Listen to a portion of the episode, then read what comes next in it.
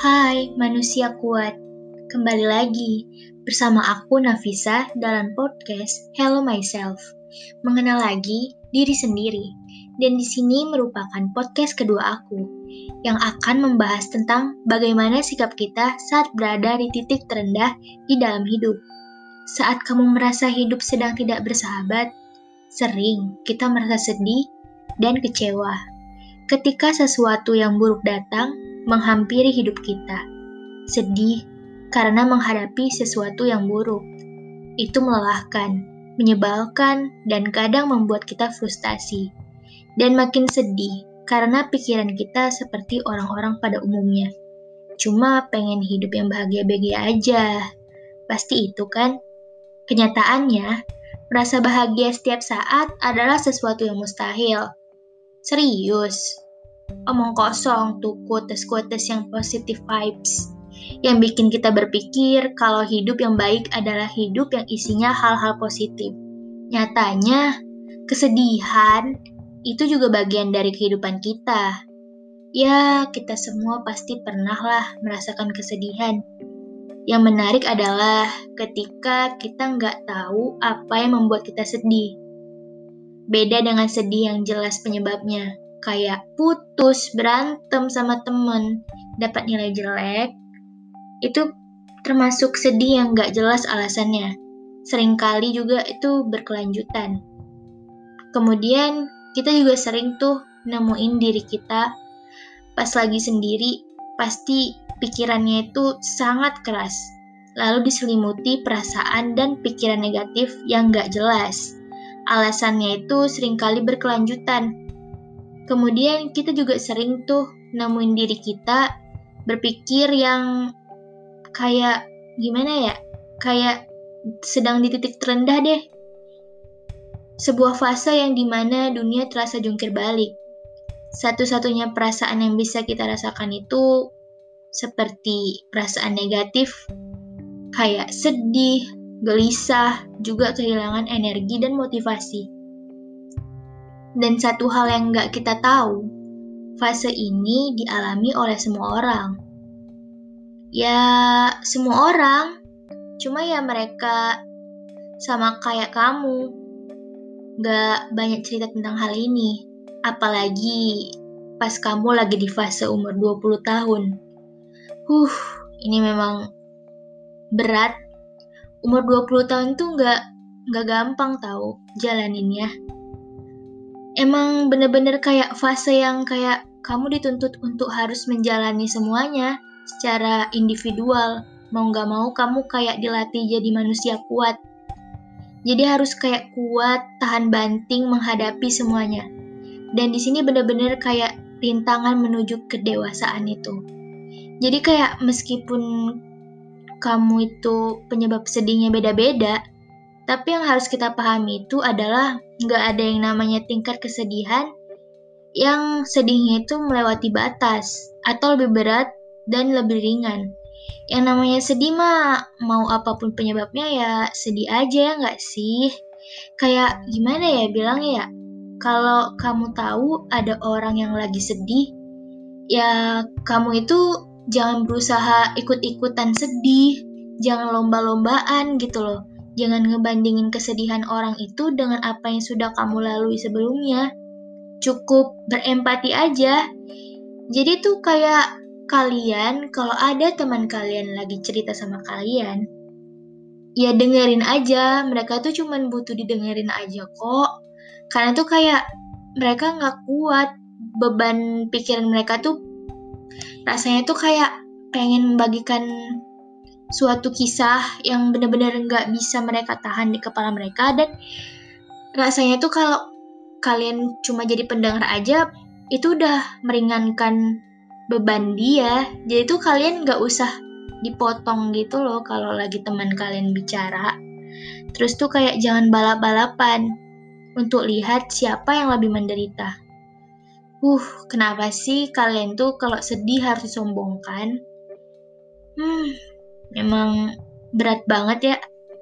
Tapi yang harus kita ingat adalah perasaan sedih ini gak akan bertahan selamanya. Cepat atau lambat, kita akan bisa melewati semua itu. Ya, semoga karena di titik ini, titik terendah itu dalam hidup kita itu, kita itu sama sekali kayak nggak butuh motivasi sama sekali. Karena tuh kayak cepat atau lambat kita pasti bisa melalui ini semua kok. Bahkan dalam hidup ini kondisi yang tidak dibayangkan sebelumnya, musibah yang datang bertubi-tubi, tak kenal ampun, dan tentu saja juga semua orang pasti nggak mau ini terjadi. Siapa sih yang mau ada masalah dalam hidupnya? Pasti orang berpikir kalau ya semoga besok baik-baik aja, nggak kayak hari ini. Semoga besok lebih baik lagi. Wish-wish yang kita lalui setiap harinya yang berharap setiap bulan, bulan ini semoga bulan ini aku akan lebih baik lagi dari bulan sebelumnya. Pasti kita akan berdoa untuk yang ke depannya lebih baik lagi. Dan pasti kita berpikir kayak, masalah itu akan segera berlalu. Ya nggak sih? Mau nggak mau. Karena memang merasa lelah, malu, dan bingung menghabiskan waktu berat itu, itu hanya untuk mengutut mengutuki kalian dengan nasib kalian itu kayak gimana ya?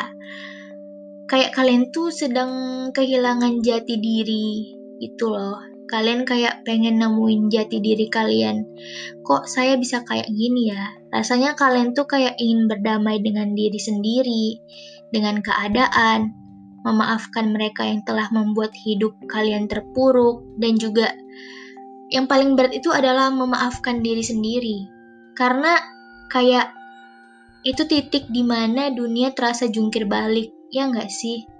Kayak kalian tuh nggak nerima diri kalian tuh kayak gitu, nggak nerima kalau hidup kalian itu serumit itu, sesusah, sesusah itu. Apalagi kalau kalian lihat media sosial. Huh, rasanya tuh kayak insecure nggak? Ya nggak sih? Insecure. Jujur aja, kalian pasti kalau misalnya nih, Salah satunya adalah kayak lihat konten TikTok dan melihat kayak ada sebuah konten seseorang yang bisa glow up, bisa merubah dirinya yang dulunya tidak begitu wow dan sekarang kayak bisa merubah dirinya 100 derajat berubah gitu. Pasti kalian kayak kenapa aku nggak bisa kayak gitu ya? kok aku gini amat sih hidupnya nggak kayak mereka apalagi kalian kayak lihat yang liburan bahagia disayang orang tua seperti kontennya itu nggak pernah ada masalah di dalam hidupnya itu. Kayak kalian lihat kayak kok hidupnya bahagia terus ya? Kok nggak kayak aku yang kayak gini menghadapi beban hidup yang berat banget? Rasanya tuh kayak kalian tuh kayak merasa kalian yang paling buruk di seluruh dunia ini. Dan itu titik yang di mana kayak perasaan kita tuh semuanya negatif aja. Kayak sedih gelisah kehilangan energi dan juga motivasi ya nggak sih karena hidup memang tak semudah melafalkan I love my life so you should love your life as much as I do dengan lantang. Hidup itu memang butuh effort. Jujur, jujur aja deh, kalian gak mungkin gak butuh effort, ya gak sih? Effort yang sangat besar. Yang untuk menguji kesiapan, kesabaran, keberanian, dan keseluruhan dari diri kita. Mungkin cara yang tepat dilakukan saat sedang berada di fase seperti itu ya, cara terbaiknya adalah dilakukan. Banyak orang nih ya nggak sih kalian kalau lagi sedih jujur aja. Semuanya pasti kalau sedang ada masalah yang dilakukan adalah tidur. Kenapa coba karena sebagian orang mikir kalau tidur itu adalah jawaban bagi semua masalah yang sedang dia hadapi. Saat berada di titik terendah dalam hidup mereka mereka memilih tidur sambil berharap pas udah bangun beban pikiran mereka itu bisa hilang. Masalahnya itu udah reda dan berusaha kayak lupa gitu loh. Kayak kalau aku tidur aku tuh kayak lupa semuanya. Jadi aku kayak sejenak melupakan masalah yang ada dan berharap kayak masalah yang udah aku lalui itu segera padam, gak ada lagi, hilang, entah ke mana. Dan mungkin kalau aku bangun tidur nanti, aku merasa lebih tenang, ya nggak sih? Kalian berharap kayak, yaudah, uh, aku tidur aja deh, paling-paling juga ntar aku bahagia lagi kok aku bangun tidur udah segar lagi, udah nggak akan mikirin pikiran itu lagi dan kayak lebih tenang. Jadi mungkin kalian yang sedang berada di titik terendah pasti banyak tidur dan jam tidur kalian pasti akan bertambah.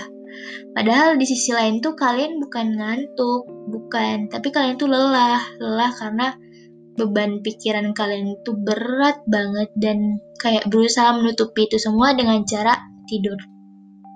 Lalu cara kedua dari uh, mungkin kalian tuh sering kunci kamar kali ya. Kunci kamar, lalu di kamar kalian kayak nangis sekuat-kuatnya. Ya berharap kayak gak ada yang dengerin dan berharap kayak cuman kalian sendiri yang tahu di kamar itu kalian sedang merasakan apa. Karena sekuat-kuatnya orang, kalau sedang berada di titik terendah dalam hidupnya, dia pasti akan menangis. Mau cewek, mau cowok, itu nggak mandang. Karena kalian kayak mikir mungkin ya, sebagian orang tuh mikir kayak, ah cowok mana mungkin nangis, cowok kan kuat, mentalnya baja, nggak kayak cewek. Kalau cewek kan ya wajar lah kalau nangis. Padahal cowok juga kadang-kadang tuh di fase terendah mereka, mereka juga bisa nangis karena setiap orang itu pasti ada fase terendah mereka dan kalau mereka nggak kuat, pasti mereka akan nangis.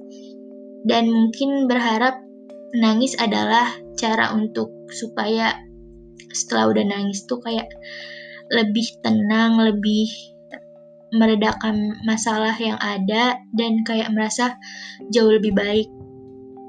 Terus kalian nih ada cara ketiga kalau lagi di fase terendah. Pasti kalian nggak mau di keramaian. Kalian pasti pengen menyendiri. Apa pun yang menyangkut dengan keramaian, pasti kalian kayak nggak bisa pengen me time dulu. Karena kayak me time itu adalah cara ketika kalian sedang berada di titik terendah dalam hidup kalian, kalian biasanya menghindari orang lain.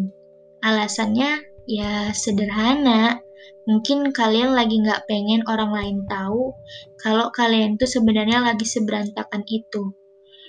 Kalian nggak pengen kayak orang lain tuh mikir kayak, ah aku lagi di fase yang benar-benar menyakitkan Gak pengen orang lain tuh tahu masalah aku seperti apa, seberat apa. Kal kalian gak mau mikir kayak kepala aku mau pecah nih, kepala aku rasanya mau meledak, pengen berkoar-koar, tapi gak mau nunjukin cara itu.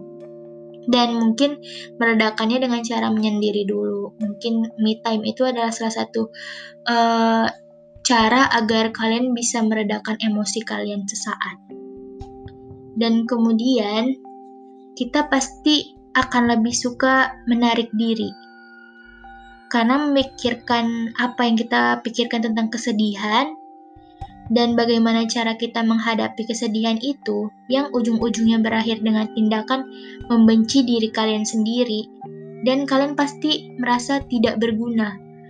Jadi kalau kita lagi sedih itu, kita pasti merasa kayak Aku kok jadi manusia nggak ada bergunanya sama sekali sih.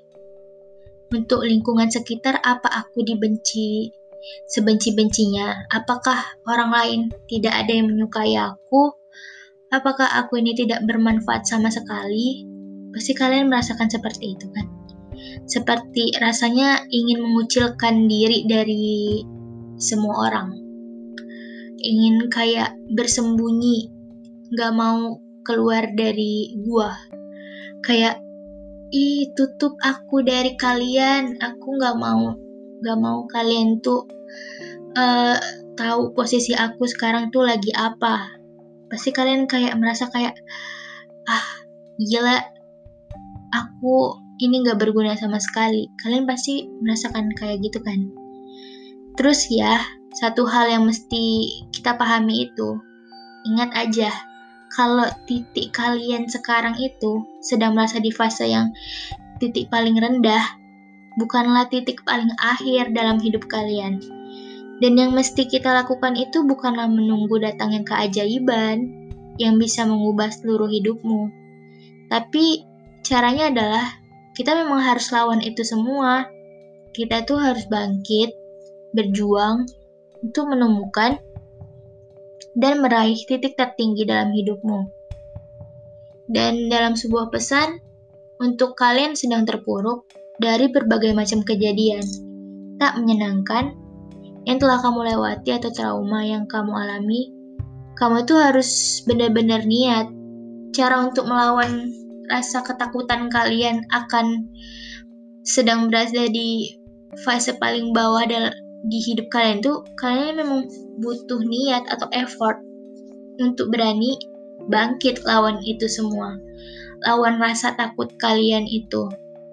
Memang sulit sih pada awalnya tapi mungkin ini adalah tanjakan kalian untuk menghadapi level tertinggi dalam hidup kalian kayak ini masalah yang harus kalian hadapi gitu loh kalian harus evaluasi perjalanan hidupmu selama ini. Kalian memang gak bisa di zona nyaman terus, di zona, zona nyaman yang kayak kalian tuh dinyaman sama suatu hal gitu loh. Terus kayak sedikit aja berubah, kalian tuh langsung kayak, ih, kok kayak gini ya? Kok beda sih? Ih, kok dia kayak gini sih? kenapa bisa kayak gini kalian nggak boleh kayak gitu karena itu kayak kalau kalian di zona nyaman terus kalian tuh nggak bisa belajar kalian tuh nggak bisa ngubah mindset kalian jadi kayak masalah yang datang di hidup kalian itu itu juga bisa mengubah cara pandang kalian. Gimana cara mengubah mindset kalian tentang bagaimana sih uh, melalui semua ini gitu. Bagaimana sih kayak aku bisa bertahan? Karena memang itu semua dari diri kalian sendiri. Kalian nggak nggak bisa kayak berharap orang lain bisa bantu kalian saat itu juga. Karena yang ngerti kalian itu ya diri kalian sendiri. Yang ngerti isi pikiran kalian ya kalian sendiri. Yang ngisi perasa yang tahu perasaan kalian tuh lagi seburuk apa, sesedih apa itu kalian sendiri. Kalaupun kalian bisa cerita, ya mungkin kalian harus cari orang yang benar-benar mau mendengarkan kisah kalian ini, yang benar-benar bisa kamu percaya mau mendengarkan kalian. Karena memang fase paling rendah sedang di titik terendah itu memang fase yang paling benar-benar nggak kita inginkan. Tapi memang sulit sih, tapi memang kita itu nggak bisa mikirkan atau lakukan hal yang sama gitu-gitu aja dan berharap ada perubahan yang signifikan dalam hidupmu. Nggak bisa. Dan ingat ya, kalian itu harus memiliki kekuatan untuk mengubah mindsetmu sendiri. Karena semenyebalkannya dunia ini dan memikirkan kalau hidupmu yang paling menyedihkan, itu akan membuka pikiran kalian. Coba ya, buka mata kalian di pagi hari dan cobalah untuk berpikir positif bahwa hal-hal bahagia dan menyenangkan akan terjadi. Semoga ini benar-benar akan bisa mengubah seluruh harimu ya. Jangan mengira-ngira harimu akan berjalan dengan baik, tapi kalian harus tahu dan yakin sepenuh hati bahwa harimu memang akan berjalan dengan baik.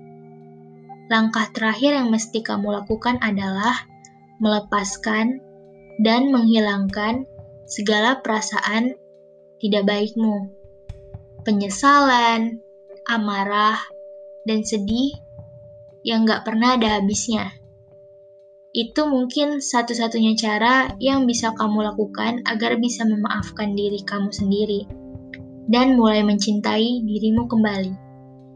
Mungkin sekian informasi ini bisa mengubah pola pandangmu ke depan ya.